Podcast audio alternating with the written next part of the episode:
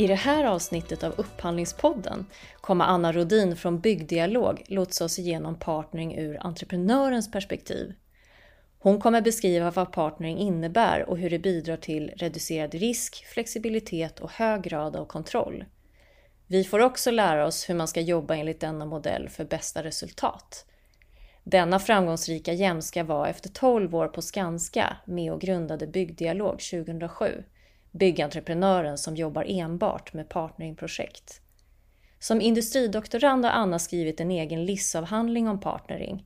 Hon sitter även med i referensgrupper för forskningsprojekt och har hållit i diverse utbildningar för branschen. Anna vill se en byggsektor där alla aktörer på riktigt förstår att man behöver varandras kunskap och en byggprocess där all kunskap systematiskt integreras redan i produktutvecklingsskedet och sen finns tillgänglig på olika sätt under hela processen. Nu kör vi igång! Välkommen till Upphandlingspodden med mig Magnus Colling och Jessica Molén. Välkommen Anna Rodin. Tack så mycket. Du är med oss idag för du ska prata om och berätta om samverkan och partnering och det bolag som du är med och driver, Byggdialog. Vem är du och var kommer du ifrån? Ja, jag heter Anna Rodin och jag kommer från eh, Jämtland. Jag har eh, familj där, två utflugna barn och en make. men jag jobbar och är aktiv i, mellan, runt om i hela Sverige kan man säga. Hur kommer det sig att du började i byggbranschen och hur valde du byggbranschen och varför är du där du är? Får jag fråga det? Ja, då måste jag nästan backa ända till mitt gymnasieval när det var dags att välja gymnasium och det blev fyraårig teknisk. Och då var det, en, då var det liksom en eh, tjejkompis i min gymnastiktrupp som gick tekniskt gymnasium och då var det vart som en förebild för mig som jag vågade in på den banan. Och sen efter ett par år skulle man då välja inriktning och eh, då kände jag väl att kanske det här med byggande och arkitektur, det var det mest människonära, så som jag upplevde det då som 18-åring. Så då blev, det, blev jag gymnasieingenjör och sen jobbade jag ett par år på arkitektkontor och med byggprojektering. Och, och då kände jag väl efter ett tag att ska jag vara i den här branschen som tjej och göra det bra, då måste jag ha mer på fötterna. Jag, måste, jag vill vara duktig på det tekniska. Och på den tiden var ju väg och vatten den civilingenjörsutbildning som gällde för byggare kan man säga. Det, det fanns inte så himla många andra att välja på. Så då sökte jag det upp i Luleå för att jag har halva eh, mina rötter där på mammas sida så att jag såg en chans att få komma ännu högre upp i Sverige några år. Och läste väg och vatten. Sen var, det, var man ju liksom fast på något vis. Då hade man lagt många år på det här. Hade ni praktikperioder under utbildningen då också? Ja, vi hade sju månader. Så jag var på SIAB som senare gick upp i NCC. Va? Just det.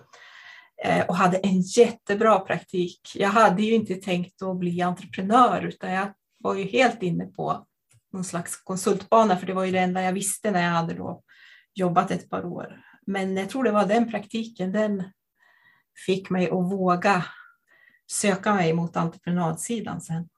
Och eh, hur kommer det sig sen att du började jobba med just partnering och samverkan? Det där är lite spännande som arbetsform, men det känns som en, nu har du precis slutat eh, utbildningen, mm. praktik ute i byggbranschen, byggbranschen positivt. Mm. Berätta. Jag jobbade ett par år, ett par, tre år ute i projekt på Skanska och sen så eh, fick jag mitt första mitt barn och eh, i slutet på föräldraledigheten så ringde min chef till mig och frågade, ja, jag vet inte vad du vill med framtiden, men skulle kunna tänka dig att forska eh, och bli industridoktorand, sa han.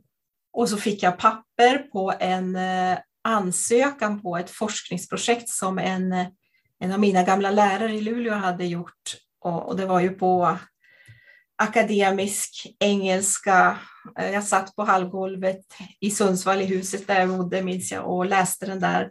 Men kände ju att det var något som verkligen intresserade mig. Det var första gången jag såg ordet partnering till exempel. Och det var referenser från USA och England och sådär. Och det var en forskarskola som skulle starta eh, bara några veckor senare skulle det vara ett första möte nere i Lund med eh, den här forskarskolan som kallades Competitive Building.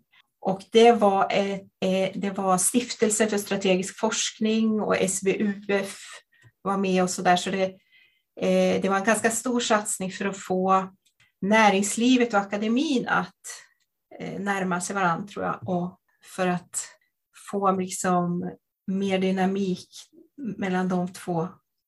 Och det var många som var industridoktorander i olika företag, byggföretag, det var från alla möjliga. Så så blev det. Jag åkte ner till Lund och började, började på den där resan och skrev färdigt den till december 2002. Då. Så det är ju jättelänge sedan. Ja, precis. Du skrev en LIS-avhandling då 2002. Mm. Vad, alltså, kan du, skulle du kunna beskriva innehållet i den mer? Eh, den hette Processer i byggprojekt. En studie i partnering som kraft för förändring. Och eh, man kan säga att det var ett väldigt stort förändringstryck i branschen då. För att det hade kommit, det kom ut en eh, 2000 kom det ut en statlig offentlig utredning som hette Skärpning gubbar som var jättestor, omfattande och innehöll väldigt mycket av den problematik som branschen brottades med. Och eh, det var också, jag tror det här eh, Hammarby sjöstad grejen hände ju då. Det var några broar som sprack och det var mycket dåligt som hände i branschen. Och, eh, så man kan, med det i bakgrunden så fanns det här med, med partnering och samverkan som en, en, en möjlig del av lösningen. Man tittade lite grann på reformeringen av den brittiska byggindustrin och där hade man jobbat med det här en del. Så det var det som liksom jag hade att och titta på, eller vad man ska säga, det var som en referens. Och det här, den här lissen handlade ju om eh, processer och strukturer som kan stödja eller hindra samverkan då, kan man säga. 2002, det är nästan 20 år sedan. Ja. Har vi utvecklats inom branschen? Står vi kvar samma...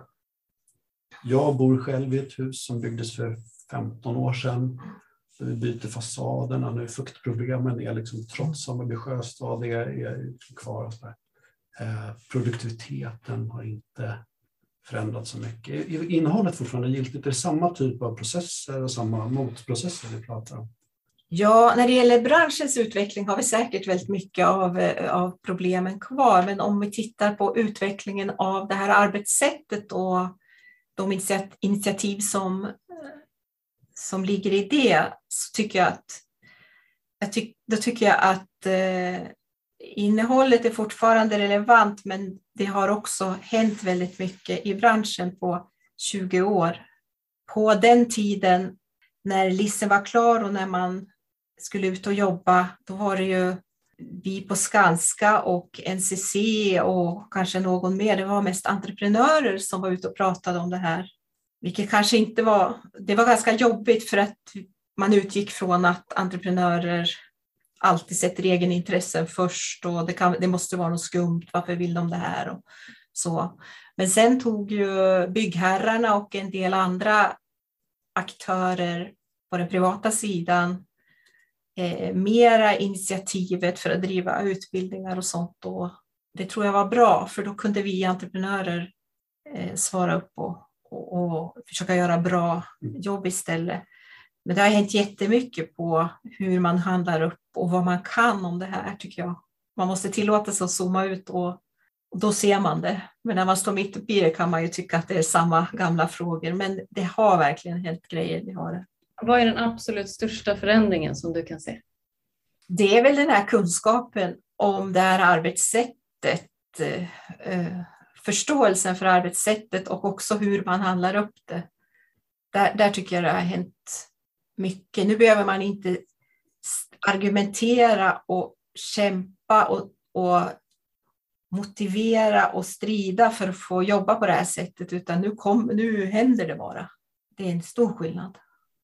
Finns det regelmässigt förfrågningar ute i samverkans, på samverkansentreprenader eller på partnerentreprenader? Ja, det gör det. Ja det, det kommer nästan varje dag, både inom vissa jobb inom mer anläggningsbetonade jobb, men det kanske ändå merparten är just på hussidan och de här offentliga tekniska försörjningsanläggningarna. Och så. Är det mest privat upphandling? Alltså är det näringslivet som upphandlar mest partnering? Eller är det, har du en uppfattning om det? Eller är det um, Nej, det offentliga som ja, är störst på det? Det är i huvudsak samhällsfastigheter.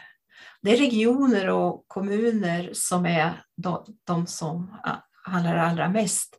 Eh, jag, jag tycker att industrin skulle eh, göra det i mycket högre omfattning än man gör, men men det är, jag vet inte om det är en annan inköpskultur och lite grann tradition på industrin. Så att vi gör en hel del jobb åt industrin, både stål och papper och, och annan typ av industri. Men eh, det skulle kunna vara en väldigt nyttig arbetsform mm. för industrin som ofta har väldigt bråttom och eh, måste integrera processutrustning i byggnader och sådär. De kanske kommer de också, men eh, offentlig sektor har helt klart varit mest på det här. Och det finns ju förklaring. Det är ju bra att det är så, för att det här är ju ett, ett sätt att använda skattekronorna så effektivt som möjligt och, och, och hantera våra gemensamma medel varsamt. Och då, då, då är det ju också bra att de, de kör på och väljer den här modellen. Berätta mer om det, värdena och vinsterna av en partnering utifrån ja. skattemedel. Mm. Det man, det man eh, ser med den här arbetsformen det är ju att vi får en mycket bättre kostnadskontroll. Vi jobbar ju med eh, att kalkylera successivt, steg för steg, samtidigt som vi börjar utforma projektet tillsammans. Vilket gör att man har med sig alla kompetenser från början eh, så kan man också reducera risk tillsammans och så vidare. På ett helt annat sätt. Man, man får en mycket större möjlighet att anpassa projektet mot tid. Eh, när man har alla kompetenser på plats. Man får en möjlighet att avvakta med vissa beslut en bit in i processen som gör att man kan ha en mycket bättre flexibilitet genom hela byggprocessen. Vad, vad skulle det kunna vara för ett beslut till exempel? Ja, men det kan ju till exempel vara så att man ska eh, bygga en viss typ av lokal i en vårdbyggnad. Men det är inte riktigt färdigt vilken verksamhet som ska, ändå ska flytta in där slutgiltigt. Eh, och för att inte låsa fast sig, eller för att om man ska nyttja det här arbetssättet då, så kan man ju avvakta med de saker i projektering och produktion som är väldigt unika till, till en bit in i processen. Sen är det vissa saker man måste göra, eh, men eh, man kan göra det man måste och så kan man avvakta med det som går att avvakta med tills beslutet fattas. Det kan handla om medicinsk-teknisk utrustning till exempel, där man kanske kan förbereda och så kan man avvakta med de här sista detaljerna tills man verkligen vet. För den måste man oftast köpa så sent som möjligt eftersom det, den utvecklas så snabbt. Så att, eh, ja, men sen eh, om vi var inne på vad fördelarna med samverkan och partnering så, så har vi också det här med att man får ett mycket högre grad av kompetensutnyttjande om man har alla människor på plats genom hela processen och man får ett lärande mellan eh, aktörer och yrkesgrupper i branschen som blir jätteeffektivt när alla finns med i, eh, integrerade arbetsgrupper. Liksom och så där. Nu har vi kanske inte egentligen pratat om vad samverkan är. Vi gick rakt in. Nej, men det är bra. Hur skulle du beskriva samverkan som process och ja. som idé? Ja, som idé. Alltså, för mig är det här med partnering och samverkan, det är ett sätt att ta helheten på allvar. Att jobba systematiskt med samarbetet, att också beakta de sociala dimensionerna av samarbete. Vi är väldigt tekniskt, ekonomiskt fokuserade och de grejerna tycker vi oss ha järnkoll på. Men, men det finns liksom en social dimension som har med kunskapsutbyte att göra till exempel, som man måste jobba aktivt med. Så därför är det här med tidig kunskapsintegration, det är ju egentligen själva kärnan i det här. Och det handlar om att man respekterar allas kunskap i en byggprocess och förstår att den behövs, måste finnas med tidigt. Sen tycker jag det här med samverkan och partnering också handlar om att man, man, har, fått, att man har en insikt om att det är ganska komplext att, att bygga samhällsfastighet, samhällsbyggnader. Om vi tar till exempel, om vi ska bygga samhällsviktiga funktioner som pedagogiska miljöer eller vårdlokaler eh, för vården eller så, så har vi så otroligt många perspektiv vi måste beakta. Från jättemånga olika typer av intressenter och enheter i samhället för att få ihop de här byggnaderna. Ingen kan bestämma och styra över den, den andra intressenten, för alla har sin egen grej de jobbar för. Och det, det är samtidigt väldigt hög grad av beroende mellan alla dessa intressenter. Så vi har jättemånga perspektiv. Vi kan inte styra över varandra och vi är väldigt beroende av varandra. Och då kan man inte bara sätta ner foten och köra på en viss linje utan att liksom ha beaktat de här olika perspektiven. För då kommer man få problem förr eller senare och det är precis det vi många gånger får i den traditionella byggprocessen. Utan man måste liksom enas om en riktning, man måste börja jobba steg för steg, först jobba med stor osäkerhet, men alla är med på banan, sen reducerar man den ena risken efter den andra eller den e-, e-, osäkerheten efter den andra. Så gör man, reducerar man det tillsammans och jobbar sig liksom mot en mer och mer definierad produkt. Det är liksom för mig enda sättet att göra det här riktigt bra. För fråga, det måste betyda att ni som entreprenör, för du är entreprenör, mm. kommer in i ett annat skede än vad en entreprenör normalt sett gör. Mm. Om man tänker sig att jag som byggherre låter projektera fram ett hus och sen så går jag ut med det på en förfrågan och så får jag in ett pris på ett hus och den som har lagt lägsta pris och hittat de mesta hålen i, i projekteringen är den som kommer att vinna en sån tävling. Hur skiljer det sig? När kommer ni istället in?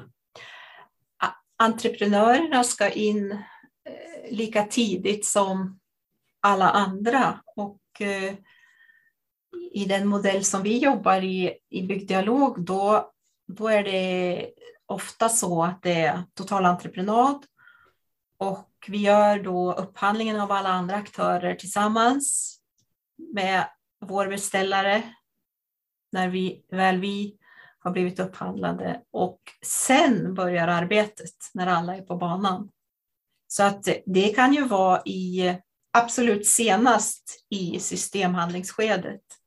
Eh, det har förekommit genom åren att man har kommit in med, till en färdig systemhandling och det är ju för sent egentligen, men om man om man då bestämmer sig för att nu ska entreprenörerna kritiskt granska den här systemhandlingen och det finns en öppenhet att, att göra förändringar, då kan ju det fungera. Men om jag bara skulle svara kort på den frågan så skulle det vara att eh, senast inför systemhandlingsskedet, gärna tidigare.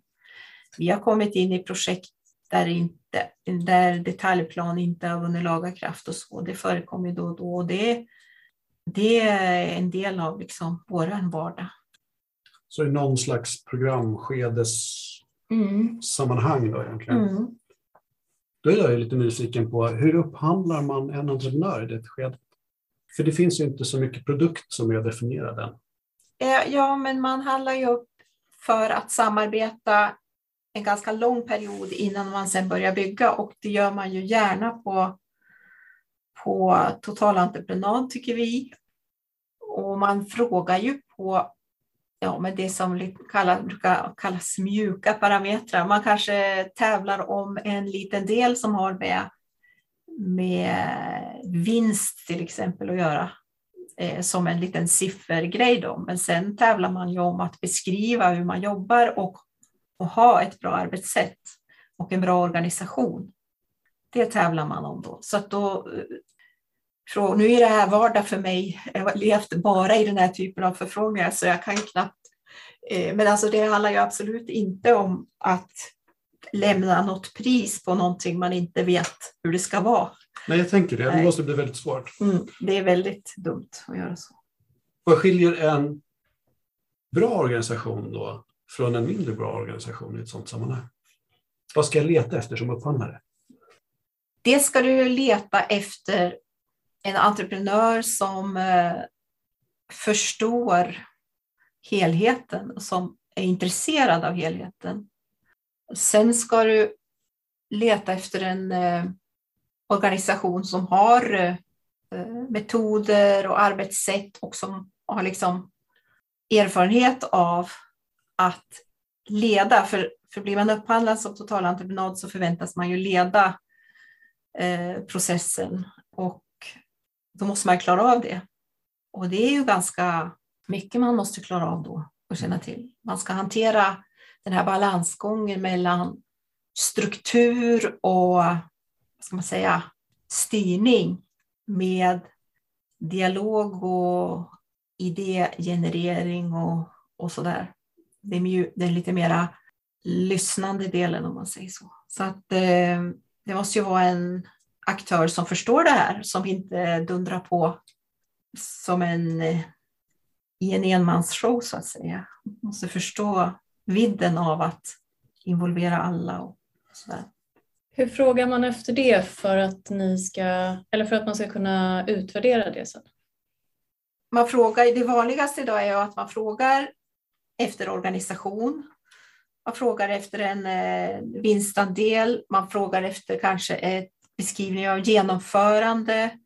Och då kan det oftast vara ett antal frågor som eh, beställaren har ställt upp som man ska svara på. Man har eh, liksom gjort sina prioriteringar vad vi ska beskriva. Det skulle kunna vara att vi ska beskriva hur, vår, hur jobbar vi med inköp, hur jobbar vi med tidplanering, hur jobbar vi med kvalitet och miljöarbete eh, och, och vad gör ni för att uppnå det här? Att kanske, det, skulle kunna, det kan ju formuleras på tusen olika sätt, men det är oftast frågor och vi svarar med text och vi svarar när vi kommer och presenterar oss och så där.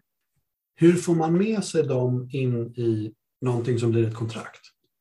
De bitarna som du beskriver. Hur vet jag som köpare att jag får med mig den här organisationen som ni erbjudit och hur vet jag att, att idéerna som ni presenterar eller svarar på också blir en del av det samverkanskontrakt som vi, som vi eh, upphandlar och som vi, som vi träffar sen?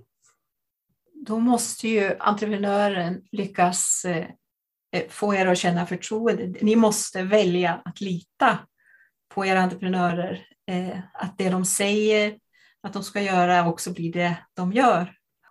För att tillit är ju också så fundamentalt för att den här arbetsformen ska fungera. Så att ibland kan man känna i vissa förfrågningsunderlag som kommer att man pratar om samverkan och förtroende och så här. Men den som skickar förfrågningsunderlaget litar egentligen inte på oss som den han skickar det till så att säga. Det, det kan man känna genom, det kan vara hur man skriver och sådär. Och där, är, där tror jag det är väldigt viktigt att man redan i det steget måste visa entreprenörerna att vi är beredda att lita på er. Och det kan man ju visa på många olika sätt med det man skriver och det, de, vad ska man säga, hur man har lagt upp det så långt och vad man ställer för frågor. Men det är ju helt fundamentalt att det där förtroendet finns. Annars kommer ingenting att fungera. Det kommer åtminstone ta väldigt lång tid innan man har byggt upp förtroende för varandra. Du nämnde totalentreprenad som en bärande idé. Mm. Jag har använt lite olika avtalslösningar för samverkansprojekt jag har varit inblandad i. Mm. Men innebär det att ni, om ni kommer in i ett tidigt skede, också är den som handlar upp konsulterna för färdigprojekteringen? Mm. Om det är en totalentreprenad så då, då är det kanske inte direkt vi, men då handlar vi tillsammans med beställaren upp eh, samarbetspartner på rör, ventilation, el, styr, mark. De tyngre samarbetspartners i, på installationssidan och mark. Då. Och de i sin tur handlar upp sina konsulter. För att vi vill ha den här raka ansvarskedjan och vi vill att entreprenören och projektören ska prata med varann och vara tvungen att prata med varann. Och att kostnadsperspektivet också ska komma in i de samtalen. Eh, det där är en modell som vi tycker är väldigt, fungerar väldigt bra och är viktig för att få den där ansvarskedjan i vad man faktiskt ritar. Så att den här eh, partnering under entreprenören då som man säger eh, styr sin projektör. Sen hos oss då ligger arkitekt och kanske eh, konstruktör och ljud och brand och så egentligen en helt omvänd byggprojekt, eller process, förlåt, en omvänd byggprocess där inte byggherren upphandlar projektörer som ritar och sen lämnar över till en entreprenör utan istället att vi bjuder in entreprenören i ett tidigt skede som mm. väljer ut de som också eh, designar utformningen på det som ska byggas. Ja, och, mm. och byggherren eller beställaren är ju en, en väldigt starkt involverad i hela den här processen hela tiden. Det är väl mer att det formella ansvaret läggs på totalentreprenören och sen den eh, leverantörskedjan så att säga som fortsätter där då. Vi pratade samverkan här tidigare och det du beskriver får ju det lite att låta som att att jag skulle kunna ta ett steg tillbaka som beställare. Men det är egentligen inte alls det du säger, utan det kräver en rätt stor närvaro som beställare och byggherre i projektet, trots att jag har en totalentreprenör att luta mig mot som dessutom tar hand om projektörerna. Absolut. Ja, vi gör ju, alltså arbetet gör vi ju tillsammans jätte, i en eh, väldigt integrerad organisation. Först innan de andra är på banan så är det kanske vi och, och vår beställare Eh, men sen kopplas det bara på mer och mer och mer folk och det här är ju, det här blir ju ett stort gäng människor som ska, eh, som ska samarbeta i en viss riktning och det här kräver ju liksom styrning och organisation och det är absolut, eh, vad ska jag säga, det är otroligt viktigt att beställaren eh, finns med på olika sätt i de här konstellationerna det behöver inte vara projektledaren i alla sammanhang, utan det skulle kunna vara eh, teknikförvaltare eller energi, eh, ja, sakkunniga av olika slag. Eller det kan vara personer med kunskap om, om byggherrens frågor som är med på olika sätt i olika typer av möten och i upphandlingarna som kommer i steget efter att vi kommer in så är det ju beställaren jättedelaktig. Det, det är ju en process vi gör tillsammans. Sen är det vi som är formellt ansvariga och som administrerar den och genomför den och har det juridiska avtalet och så.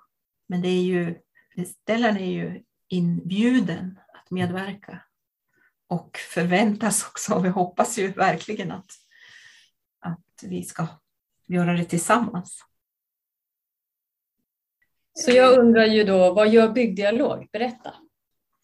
Byggdialog är ett, ett byggföretag som bara jobbar med samverkansprojekt. Eh, vi har egna hantverkare och eh, vi startade Eh, januari 2007, så alltså snart 15 år sedan. Och är 250 anställda nu och omsätter 3,1 miljarder 2021. Eh, våra största kundgrupper är eh, kommuner och regioner som, och eh, pedagogiska miljöer och vårdbyggnader är det. Det är våra största segment kan man säga.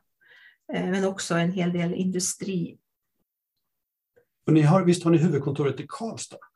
Ja, och då var det ju så här att när jag hade gjort färdigt min eh, eh, LIS-avhandling så jobbade jag som någon slags internkonsult i Skanska och reste runt i hela Sverige. Det var Dalarna, Småland, Skåne, Närke och massa olika platser.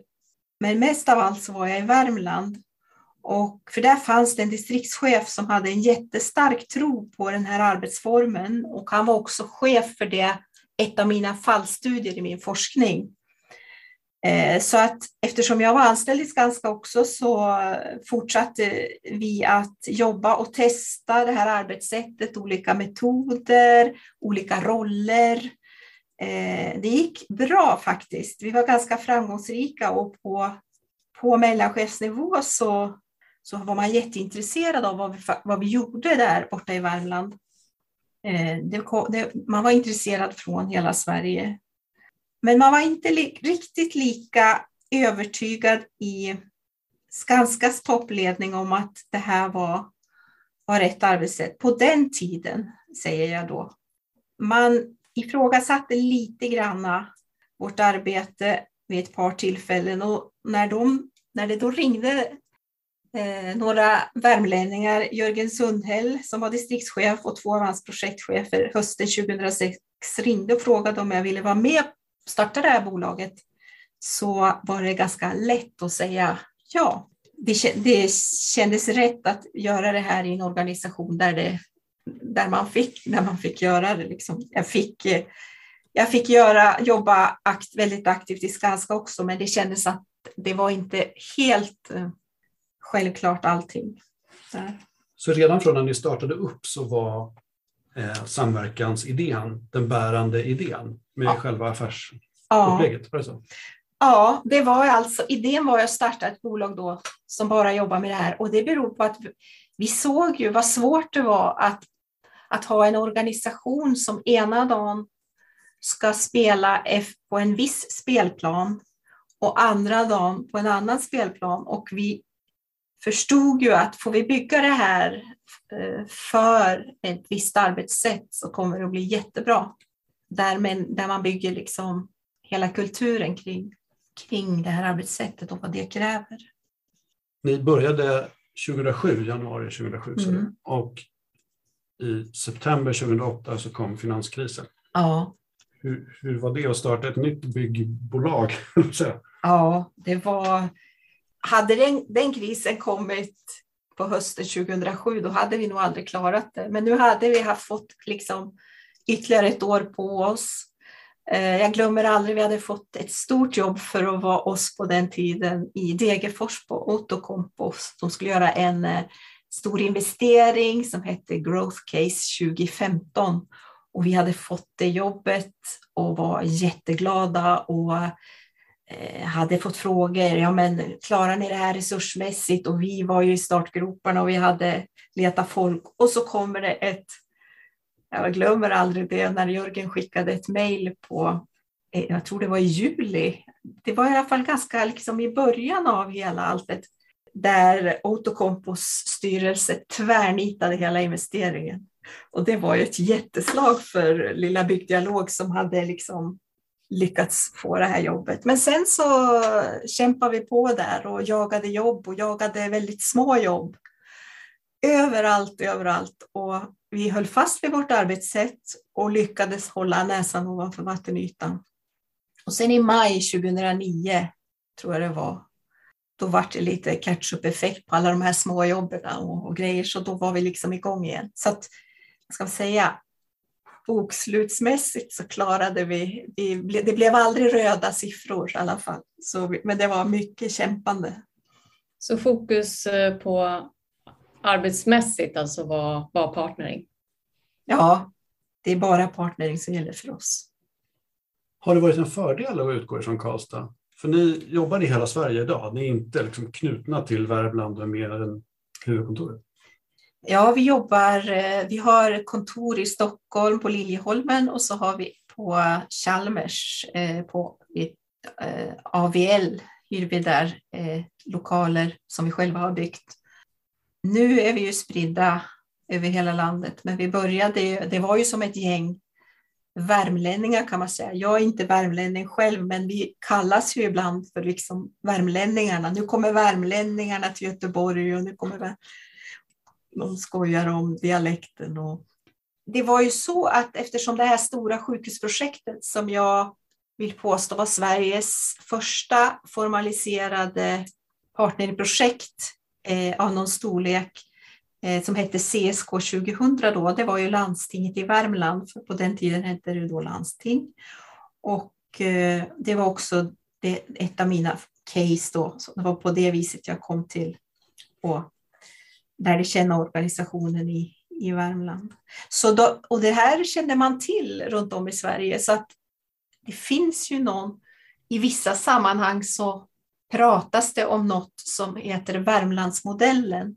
Och jag vet inte riktigt eh, om det är ersättningsmodellen eh, som idag är den vanligaste i partnerprojekt man syftar på, men någonting var det ju med Värmland. Så att det var väl inte helt fel och inte helt onaturligt att eh, det här företaget uppstod i Värmland kan man säga. Ja, men kan du inte berätta lite om strategisk partnering? Vad är det? För att berätta om strategisk partnering skulle jag behöva nämna liksom huvudkomponenterna i projektpartnering. Och projektpartnering är ju när man jobbar i enstaka projekt då. Och, och, och, viktiga delar i det är att man jobbar med gemensamma mål, man jobbar med gemensam riskhantering, eh, man jobbar helt transparent med ekonomin åt alla håll och kanter. Man har det här iterativa förfaringssättet, alltså man jobbar sig fram steg för steg i en integrerad organisation och man jobbar med uppföljning kontinuerligt. Om man säger det arbetssättet som grund, så om man paketerar en upphandling med flera projekt i samma upphandling, eh, då, kan man, då skulle man kunna kalla det strategisk partnering. Man, man har alltså samma arbetssätt i, i projekten, men man, man liksom eh, har också en strategisk nivå som är överordnad alla projekt, då får man möjlighet att göra rätt saker och inte bara göra saker rätt, om man säger så. Överordnat varje projekt. Och det skulle kunna vara att man jobbar med uppföljning över hela samarbetet, med resursfördelning, med styrning av tider och kostnader mellan projekt och när de ska starta och börja och, och sluta och sådana saker. Man kanske har en gemensam inköpsprocess som är överordnad. Man har kanske några utvecklingsfrågor som man driver tillsammans. Så man har ju en möjlighet att jobba med lärande mellan projekt på ett helt annat sätt i strategisk partnering. Och som beställare har man ju möjlighet att paketera ett antal projekt. Det kan ju vara på en viss geografi, det kan vara en viss typ av projekt, all ombyggnadsprojekt, eller det skulle kunna vara ja, men helt enkelt paketerat på olika sätt. Det blir ungefär som ett ramavtal Eh, där man gör avrop, där man har en strategisk nivå som, eh, som gäller för alla de avropen. Ja, det kan man säga. Absolut. Och det är väldigt, det är, det är ett bra sätt. Det, när det gäller ur ett upphandlingsperspektiv kan man väl säga att man det är kanske lite jobbigare att göra den här upphandlingen, men det är betydligt kortare startsträcka när man då ska dra igång nästa skola och nästa skola och nästa skola. Så, att vi, vi sitter i ett tio, tiotal sådana samarbeten, strategiska samarbeten i över Sverige idag. Det är både inom vården och i skolhusbyggande. Då. Men kan reaktionerna på en sån typ av upphandling bli att man får för stora, eh, vad ska man säga, för stora avtal som entreprenör då? Eh, eller så. Har du märkt några reaktioner utifrån från andra då, kanske anbudsgivare eller sådana som inte vill vara med och lämna anbud? Det kan ju vara så att eh, på en liten ort så eftersom det allt är paketerat till en upphandling så kan det kännas för en, kanske för en liten byggare då som att hela marknaden går till en aktör och så kanske det dessutom är en aktör som inte kommer från orten. Men faktum är att det här ska ju byggas också så de här, de här eh, firmorna blir ju involverade på alla möjliga sätt. Eh, upphandlade helt enkelt i nästa steg så att eh, det går att hantera. Sen, går det, sen är det många som gör informationsträffar före ett sånt här samarbete och berättar om hur de har tänkt med arbetssättet. Så, så att en kommuns alla tänkbara leverantörer får komma och eh, lyssna hur man har tänkt och ställa frågor och så. Sånt måste ju vara jätteviktigt ändå. Ja, ja, det ska man ha absolut största respekt för. Att att det ska finnas liksom en marknad för alla typer av företag. För en idé med strategisk återkommande partnering har ju också varit att den organisation som är inblandad i det första projektet lär sig någonting till nästa och att Mm. man därigenom kan bli effektivare, man kan fatta klokare beslut och att man kan gå mer direkt på målet eller lösa rätt problem. Kan man säga så? Har ni sett att det också händer? Har ni kunnat använda eller eh, ha med samma team på ett sådant sätt att man lär sig under resans gång? Ja, oh ja det, blir, det blir väldigt uppenbart. Man lär sig ju eh, varje unik beställares eller kunds eh, speciella behov och, och också den verksamhet man bygger för. Och det kan ju också vara olika typer av krav och, och behov som man har i, hos en unik kund. Den här organisationen blir ju väldigt kunnig på det med tiden. Man, man utvecklar en god förståelse för byggherrens krav och behov. Eh, sen så kan man ju också få chansen att ta bort sånt som inte skapar värde i, i sådana här samarbeten. För att man, man får syn på det när man jobbar så här transparent och så integrerat. Och så kan man från projekt till projekt eliminera sånt som inte är direkt värdeskapande. Det är också en, en styrka med det här. Återigen, när man nyttjar kompetensen mycket effektivare. Och så har vi det här med lärandet mellan projekt. Man kan optimera eh, hur man liksom kör projekten tidsmässigt och sikta på att reducera kostnader inom olika områden som man bestämmer tillsammans. och så där. En bra grej för byggherren när man gör sina upphandlingar är ju också att i till exempel en högkonjunktur så kan man ju säkerställa att man har resurser klara för sina, sin portfölj. Man kanske har politiskt tryck på sig att, att få saker byggda. Och genom att göra en sån här upphandling så har man ju säkrat eh, resurser för dem, eh, vilket kan vara en fördel. Sen kan man ju på ett affärsmässigt sätt gasa och bromsa tillsammans med varandras resurser om det finns utrymme hur snabbt man ska leverera de här olika byggnaderna och så. Eh, som eh, många beställare lyfter som en, en eh, styrka med det här.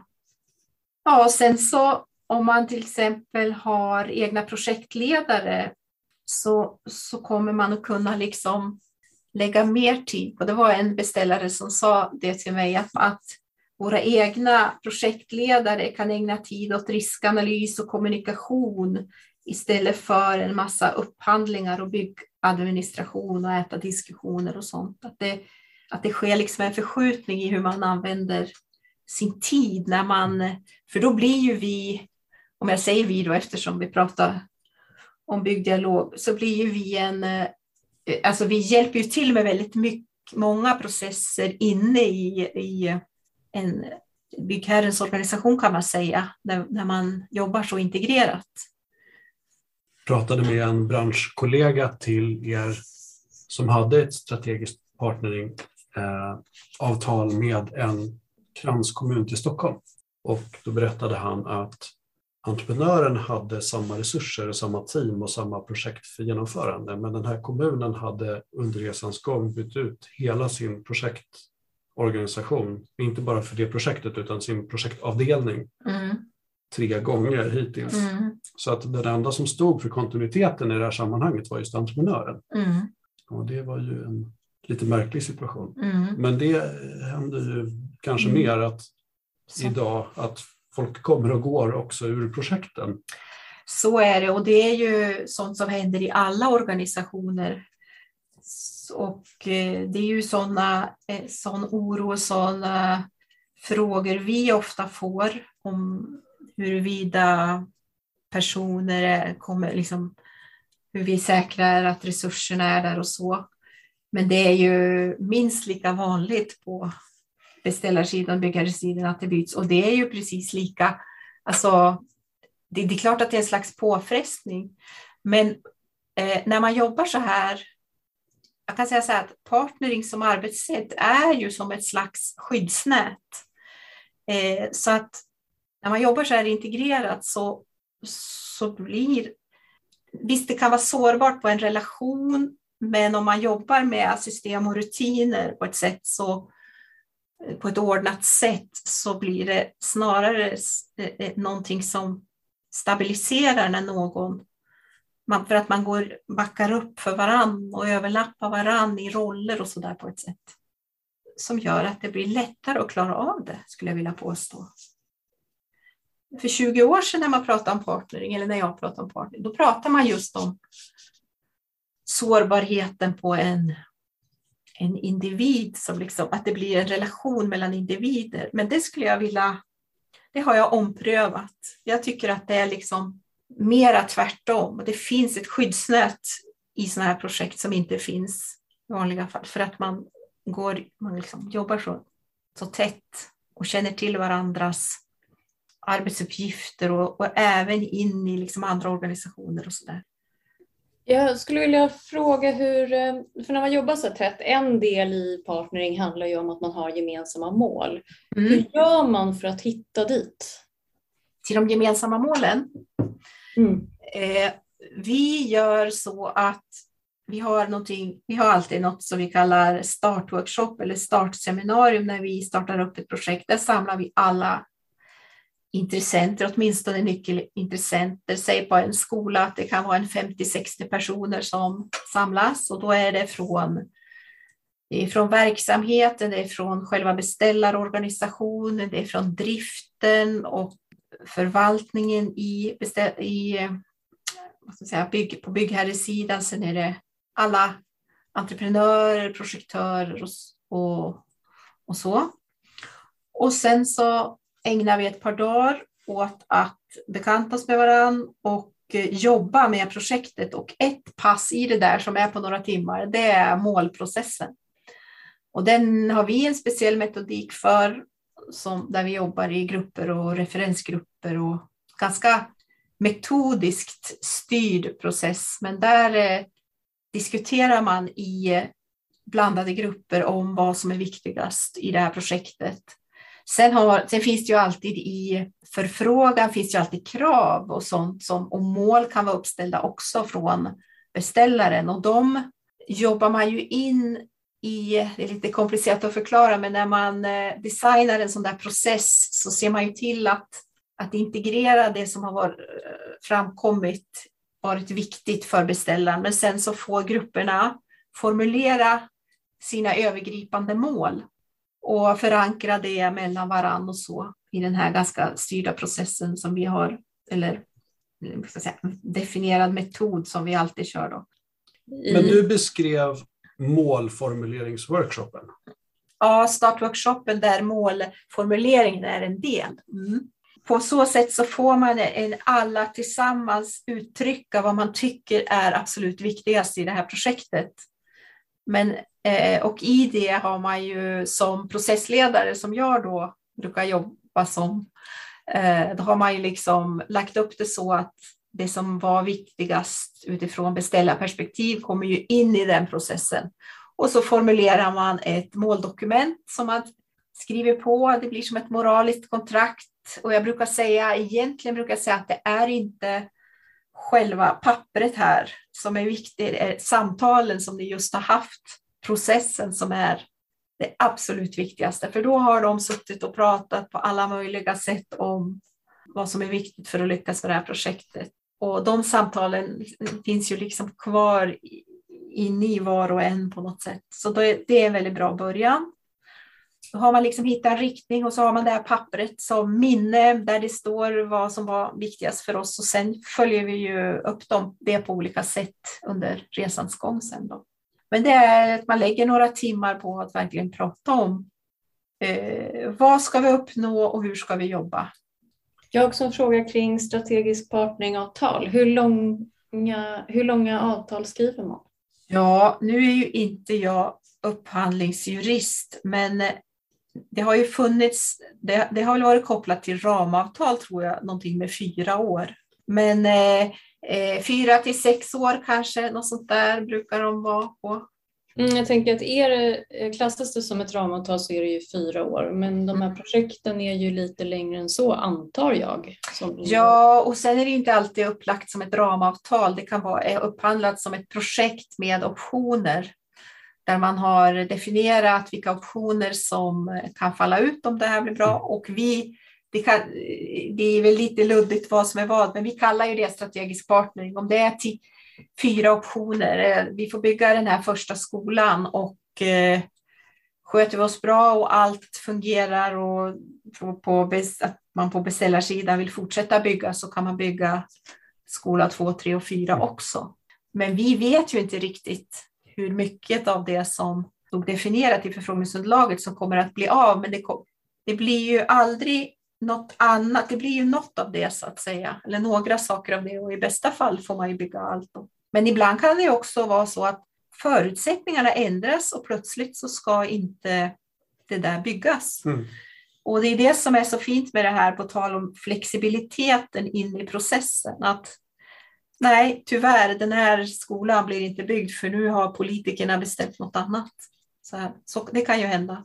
Så det är egentligen positiva optioner, för du löper inte någon större risk egentligen som entreprenör att sitta med i den strategiska partneravtalet, mindre än, än lite resurser som går åt, men du har inte tagit någon risk i kommande optioner egentligen, utan de är nästan alltid en möjlighet. Ja, de är en möjlighet. Däremot så kan, är ju risken att man, eh, att man liksom räknar med en viss eh, omsättning och produktion som faller bort. Och det, det, är ju, det kan ju ställa till om det faller bort sent och så där. Men det är, det är liksom vardag för oss att eh, hantera den typen av osäkerhet. Så det liksom ingår ju i spelets regler. Det är mer eh, det är klart, sitter man i tio sådana där projekt och alla ändras lite grann, då, då kan det vara ganska mycket ändringar. Men det har ju blivit vår vardag, det är ju så. Det är den världen vi lever i, så att vi, vi hanterar det.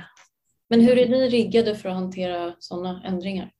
Det kan ju vara projekt som inte ännu har startat, som man får veta att nej, det kommer heller inte att starta och så där. Så att det är ju inte alltid så att, det är ju aldrig så att det bara, där det är, någonting har börjat produceras, eh, stoppas. Det kan jag inte komma på så där rakt av att vi har varit med om, utan det är ju det, man, det som kan ha hänt är ju att, man har, att det har lagts ner pengar på projektering eller eh, och det blir ju liksom en kostnad då för beställaren. Men då väljer, om, man då, om den då väljer att eh, avbryta så är det någon, någon kostnad man bedömer är, är värd att ta då. Liksom.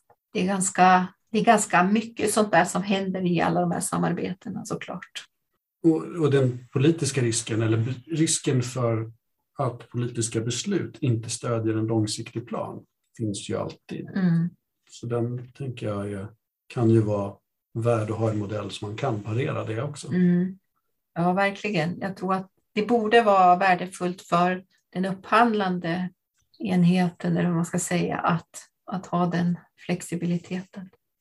Jag undrar hur hållbarhetsperspektivet kommer med i det här och vad, hur man främjar hållbarhet genom partnering. Mm. I min värld så finns det inget annat sätt att jobba hållbart än att hela leverantörskedjan är med i processen. Först och främst så kan det ju vara som vilka mål och krav som helst. Eh, men för att kunna jobba riktigt aktivt med vad som är hållbart och inte så måste alla kompetenser finnas med för perspektivet är aldrig så snävt som en aktör. Utan det, det kan vara relaterat till drift och förvaltningsförutsättningar och möjligheten att återanvända material och system. Och, och för att klara den här äh, dialogen och diskussionen är när man utvecklar ett hus, då måste alla de här kompetenserna finnas med. Annars är ju risken jättestor att det inte blir hållbart. Och nu pratar nu hållbarhet så vitt begrepp. Om vi, om vi har de här tre klassiska, det ekonomiska och det sociala och det miljömässiga hållbarheten, så är den miljömässiga var kanske den jag tänkte på nu när jag pratade, men den sociala, den fångar vi i det här sättet och det har jag inte nämnt så mycket om, men själva utgångspunkten i partnering och samverkan i alla fall enligt våran modell, det, det är ju liksom vad människors drivkrafter för att arbeta, vad, vilka är de och hur fångar man dem? Och då pratar man ju till exempel om att människor behöver känna till mål för att jobba bra. Man behöver få återkoppling, man behöver få vara kreativ, man behöver samarbeta med andra. Eh, man, behöver, man, man måste känna mening. Och allt det här är ju inre motivationsfaktorer som är ett, ett verkligt fundament för den kultur vi har byggt och för det arbetssätt som, som åtminstone vi menar är, är riktig samverkan och partnering. Eh, och där kommer de sociala hållbarhetsfaktorerna in liksom i, i, i det här sättet att, att få jobba på det här sättet stöder mänskliga drivkrafter för arbete, kort sagt. Sen ekonomiskt så har vi ju varit inne på det här med hur man använder skattepengar och, och värde för varje krona och såna här grejer. Och det tycker, tycker jag är ekonomisk hållbarhet i det här sammanhanget. Ja, det är det verkligen. Och det där sociala perspektivet är också väldigt intressant så som du berättade. Mm, mm. Sen kommer vi in kanske nu i en period när vi måste börja eh, titta lite mer på det här med eh, återbruk och cirkulärt byggande och så här. Och ska vi hantera en sån omställning så återigen måste alla kompetenser vara på plats i processen för att kunna göra det här på ett bra sätt. Jag kan ju inte liksom förstå hur man skulle kunna göra det här på ett annat alltså För mig är det här lösningen. Så är det. Och för byggdialog. Ekonomisk hållbarhet nämnde du och du nämnde också förtroende. Och någonting som utifrån de hårda perspektiven kring det då, som jag vet att du har sagt och skrivit är ju behovet av att båda parter tror på kalkylen. Mm. Är det en viktig del? Att man höll på så här, ska jag som beställare göra min kalkyl och du gör din kalkyl? Mm. Den frågan är normalt sett löst i en upphandling där jag mm. mm. frågar vad kostar det här? Mm. Liksom. Mm. Eh, några bra tips om det? För det där tycker jag är spännande som till ekonomisk styrning. alltså, I partneringprocessen så, så är ju en, eh, när man då börjar utveckla ett hus i fas 1, så är ju det här med successiv kalkylering en, en grundprocess. Den ska, det ska ske samtidigt som man försöker eh, tratta ner hur man ska definiera det här huset så kalkylerar man. Och från början kalkylerar man på väldigt grova eh, grov input, man vet inte så mycket, men det, men det gör alla då, så då kalkylerar alla ska säga, teknikområden, gör sina kalkyler, byggherren gör sin byggherrekalkyl i alla fall.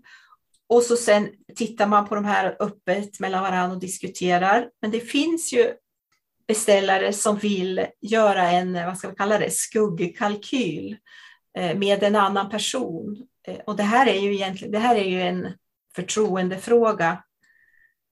Det gör man ju kanske för att man inte riktigt litar på dem man har handlat upp. Det här händer lite då och då att det dyker upp beställare som vill göra det. Och det är helt okej. Okay. Ofta leder det till att när vi har jobbat ihop ett tag så sitter kalkylatorerna tillsammans och har sina olika ingångsvärden och diskuterar och, och det blir liksom en trygghet då och så småningom så kanske man till och med inte behöver parallellkalkylera. För spegelorganisationer generellt brukar inte vi tycka är en bra lösning, utan vi tycker att det ska vara, alla, ska, alla ska vara med för att de tillför värde och sen om den personen jobbar i beställarorganisationen eller hos oss, men, men eh, det är inte någon optimal väg att, att ha liksom parallella organisationer som, utan man ska ju liksom jobba i förtroende. Och då ska man kunna lita på varandras kalkyler och vi litar ju på våra underentreprenörers kalkyler och de är ju med i den här processen också. Så det är ju ett, en väldigt öppen diskussion om alla värden och ingångsvärden och om de är relevanta eller inte.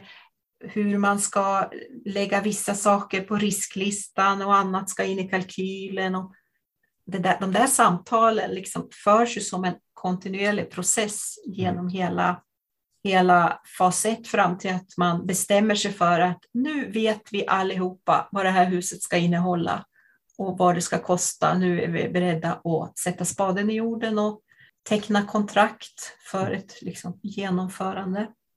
Det förekommer och man kan ju tänka sig att man tar en second opinion på någonting som är väldigt svårt eller så, men ofta har ju det med helt andra saker att göra som till exempel konstruktioner och sånt där och inte kanske kalkyler. Men eh, vi är vana vid att det då och då dyker upp situationer när man vill ha en mm. parallell kalkylering.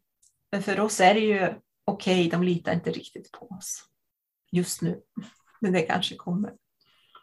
Men om man tar just det här med förtroende då, då, då, jag tänker att det bör ju finnas de som verkligen inte tycker att partnering är någonting som de skulle vilja jobba med.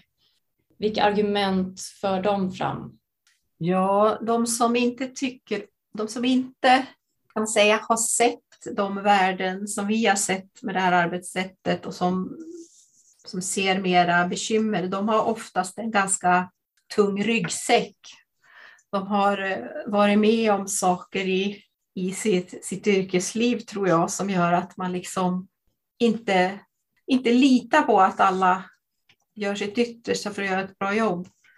Och det är väldigt svårt att argumentera mot en sån person tycker jag. Man måste bara bevisa, men, men bevisa att man är att lita på och att det kommer att bli bra och ni kommer att få mycket för pengarna eller vad det nu är.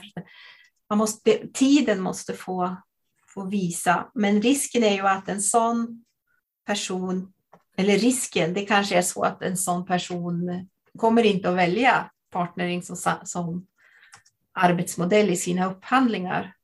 Eller så ligger man någonstans på en skala och är lite skeptisk men vill prova då.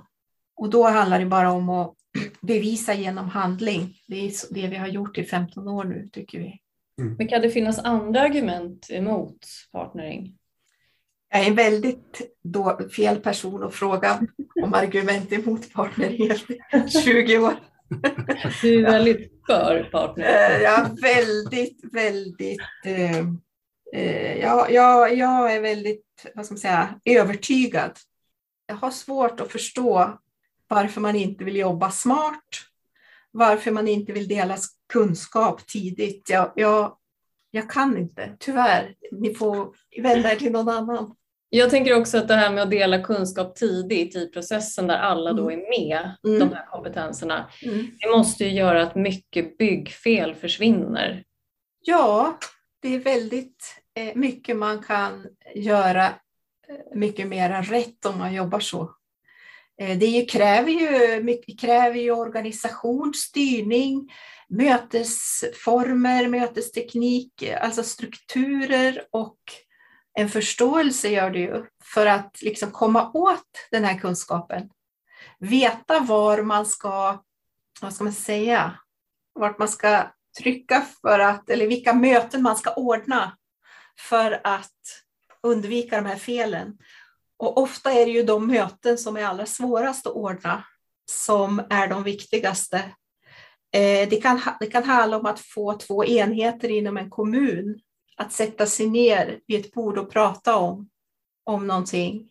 De som sysslar med planfrågor och de som ska beställa byggnader till exempel. Eller eh, det skulle kunna vara de som jobbar med medicinsk teknisk utrustning och de som beställer byggnaderna och bygger husen. Och då har vi många gånger tagit på oss rollen att, att ordna det här mötet. Och vi envisas många gånger med att ordna de här mötena. För att eh, vi vet att det är precis här, det här gränssnittet här, så behöver eh, man prata med varandra. Här har vi ett mellanrum som ställer till problem om vi inte får de här äh, aktörerna att prata med varandra. Så vår, vi är ju lite granna det finns en forskare som heter Mats Tyrstrup på Handelshögskolan som vi jobbar en del med och han pratar om organisatoriska mellanrum. Och han säger också att man måste vara relationsskräddare och det tyckte jag var ett... Det, det är nog det vi är många gånger.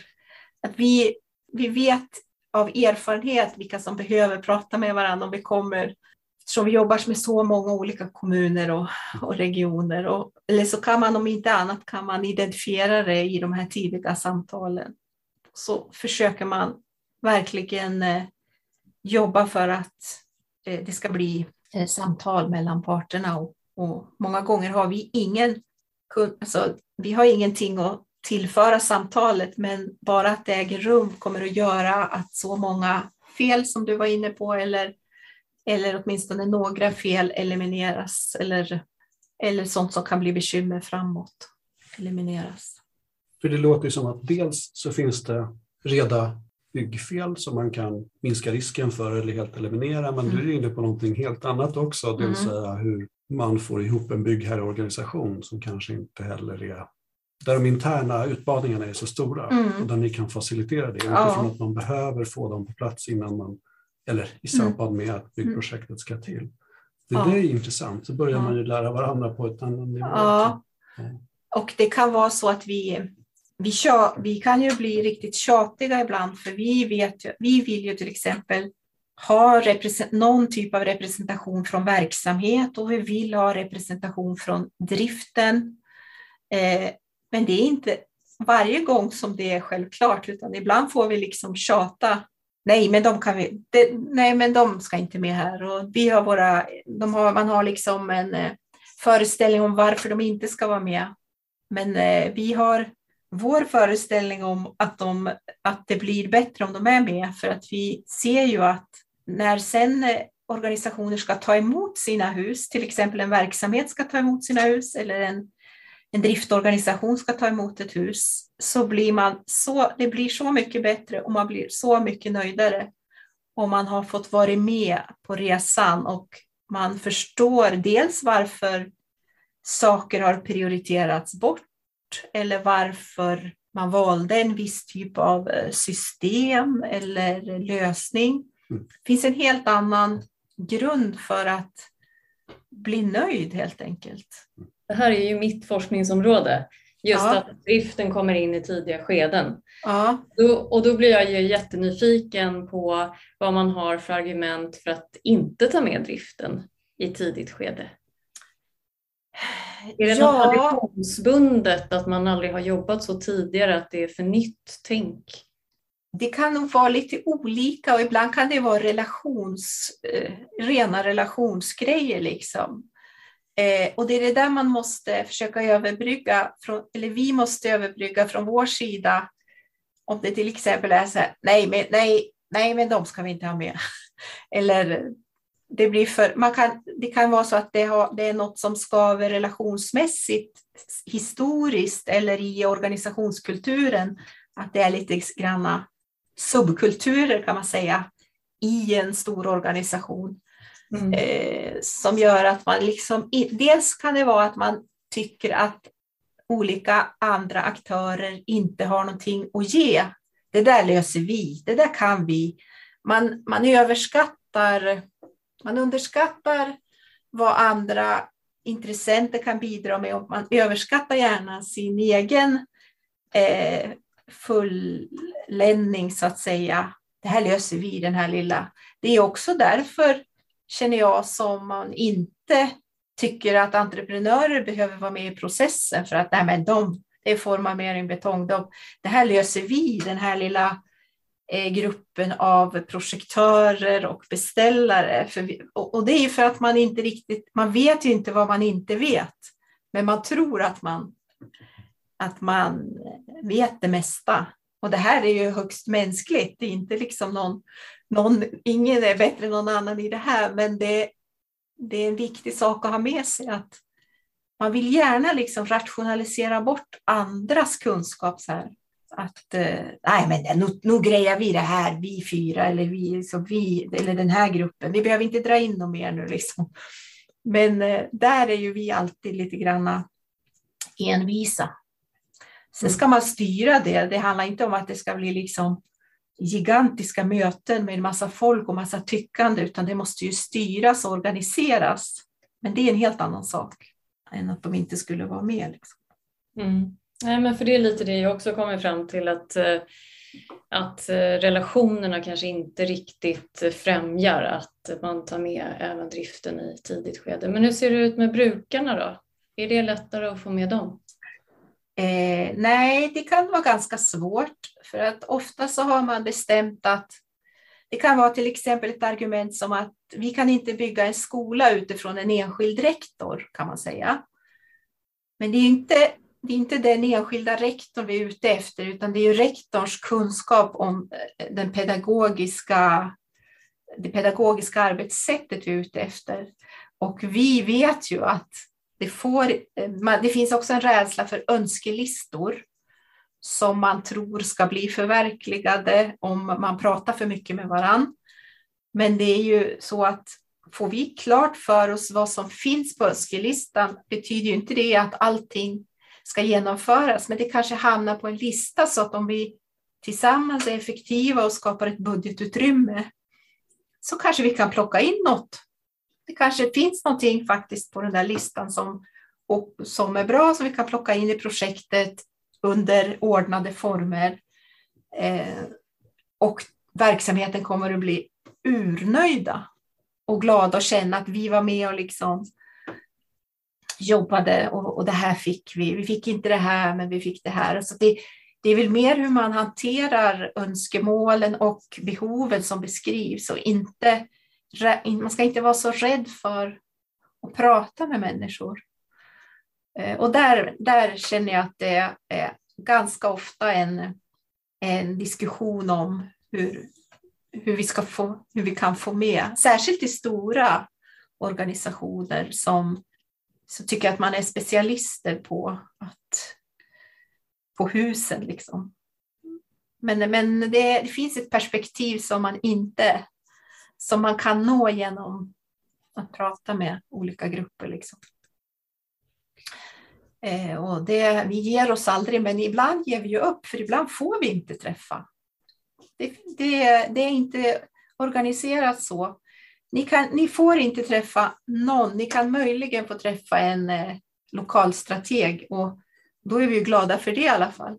Liksom en, eller någon på barn och ungdomsförvaltningen eller, eller så. Så att man måste ju hitta, man måste ju vara lite följsam och hitta former som är så att man får med sig det pedagogiska perspektivet in i processen. Jag tänker att byggnaden är ju ändå ett verktyg för verksamheten. Det är inte mm. så att mm. byggnaden är där för sin egen skull. Nej, så att eh, jag tror snarare hur man hanterar eh, inputen liksom. Mm. Det är mer det som avgör om det blir bra eller dåligt. Så man ska inte vara så rädd för involvering. Liksom. Jag tror på det du säger efter att ha suttit i sjukhusprojekt och i sjukhusförvaltning och drift och i skolprojekt. Jag känner igen argumentet mm. som vi också använder mm. i att inte följa en enskild rektor.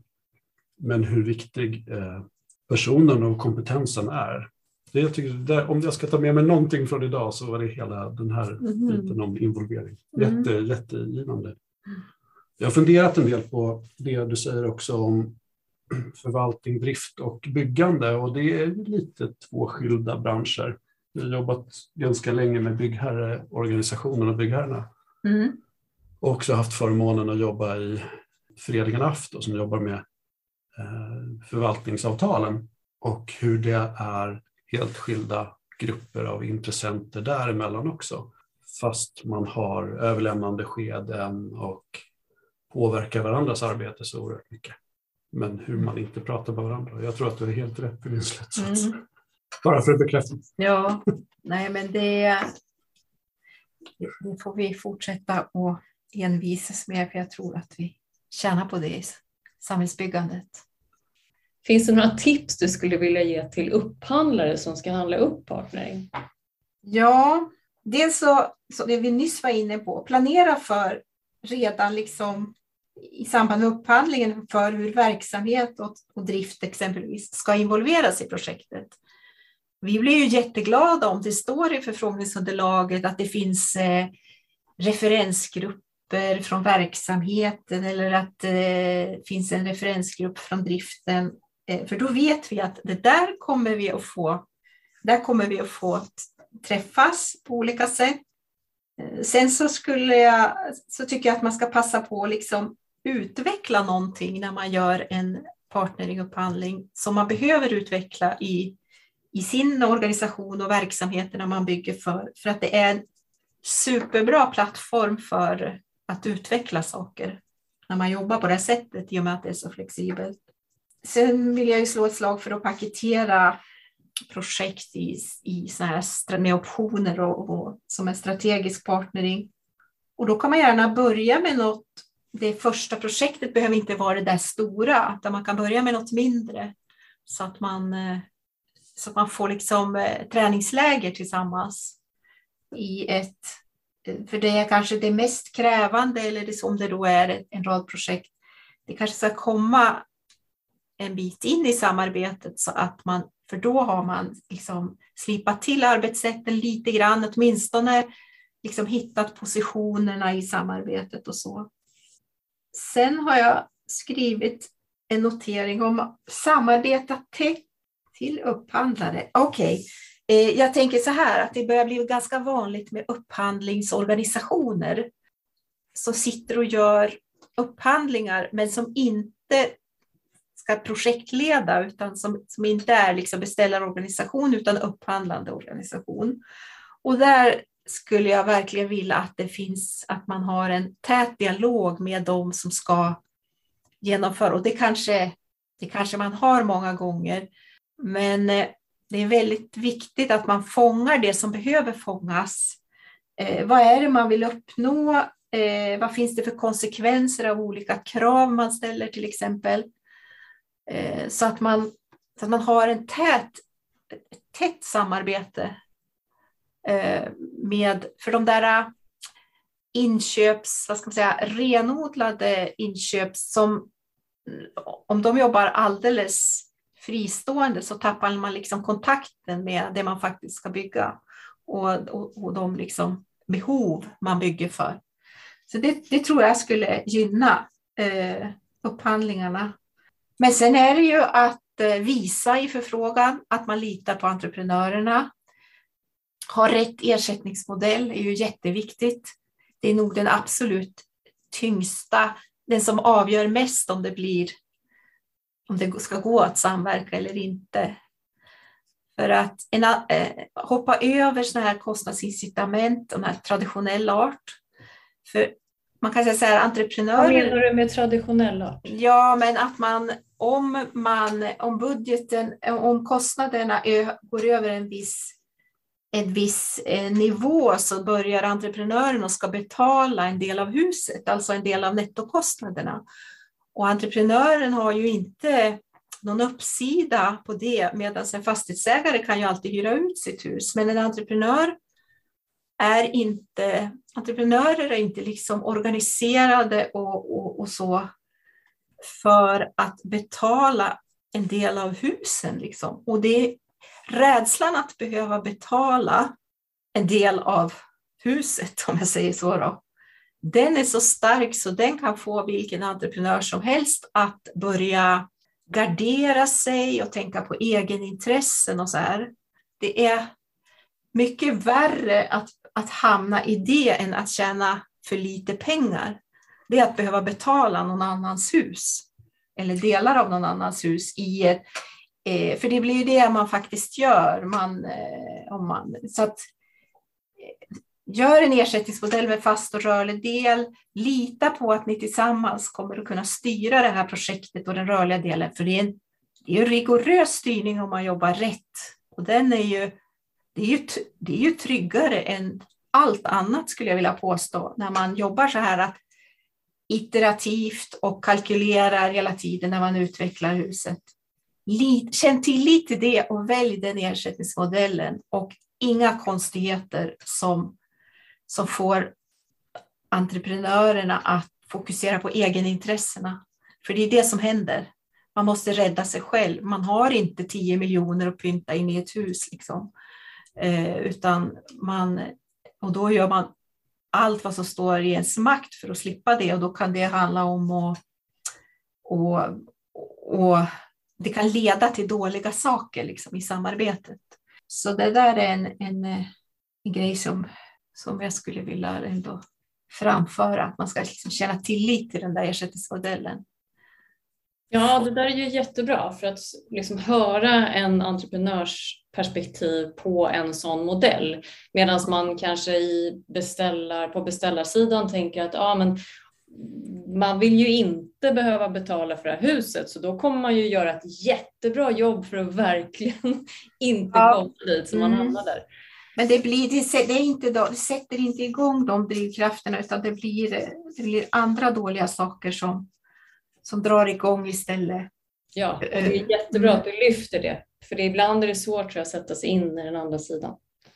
Och jag tror man behöver planera för att både sitta i idealläget när båda tjänar på när modellen ger en avkastning och sitta i det gråa läget där man har hamnat på fel sida i incitamentet för att förstå det. Mm. Då är det stora värdet. Vi pratade ju med John om det också, så pratade vi om att hålla modellen enkel. Mm. För att ofta är projekten så komplicerade när man behöver jobba med utveckling eller lösa mm. saker i samverkan. Att på det en, en, en avancerad ansvarsfördelningsmodell eller en avancerad ekonomimodell ställer till med rätt mycket oreda. Ja, liksom. ja. jag tror det är på det sättet. Uppfinningsrikedomen verkar helt outtömlig. Det verkar vara något som man tycker är väldigt roligt. Speciellt kanske för några år sedan. Det, var, det, det, var, det liksom kurvor och grejer och brytpunkter och grejer. Så uh, det blir bara så otransparent även det och skapar osäkerhet. Liksom. Så keep it simple. Mm. Och det absolut största värdet med partnering? Ja, men det är ju det här med att dela kunskap. Det är det här med tidig kunskapsintegration. Det är ju där det, det, är där det sitter på något sätt. Om man behärskar dialog och kan lyssna ordentligt, man kan respektera andras kunskap ordentligt, eh, man kan avvakta lite med sina egna reaktioner så att man får syn på sin egen okunskap. Och om man kan vara uppriktig, det är då man kan liksom komma på nya saker tillsammans. Det är då man tänker tillsammans. Det finns lite att träna på. Vi tar med oss det, tänker jag. Det finns mycket att träna på och att dela kunskap. Jag tycker att det låter jättehoppfullt, kan man säga det? Ja. Alltså bara idén om det känns jag vet inte, det känns... Eh... Det är det här som ger mening till allt vi håller på med. Ja, det alltså. låter fantastiskt. Mm. Dela kunskap. Mm. Stort tack Anna Rodin för att du var med oss idag. Tack Anna, jättebra. Tack så mycket. Får man kontakta dig och hur gör man det om man vill veta mer om partnering? Absolut, man, det är helt okej okay att, att höra av sig till mig eh, om det gäller sånt här som har med arbetssätt att göra. Sen så eh, John Hane är ju en, en entreprenadjurist som kan mycket om det här arbetssättet. Så gäller det juridik och sånt så tror jag att det skulle han kanske kunna vara en person. Vi har ju alltid vårt perspektiv. Vi har också juridiken, liksom, men det är ju från vår horisont och det kan vi ju alltid bjuda på. Sen så finns det ju både inom byggherrarna och privata aktörer som ger utbildningar i, i partnering och samverkan som, som man kan gå för att liksom skapa sig en bild. Men man får jättegärna höra av sig. Jag, är, jag gör ju inget annat än att prata om det här så jag blir så glad om det är någon som vill prata. Och du finns på Byggdialog? Ja. Byggdialog.se? Ja. Tack för att du lyssnat. Finns det saker du skulle vilja höra mer om eller någon du kanske tycker att vi ska intervjua så hör av dig till oss på lyssna.upphandlingspodden.se. Ett särskilt varmt tack till Erik Stridell på Bybrick som komponerat Upphandlingspoddens jingel.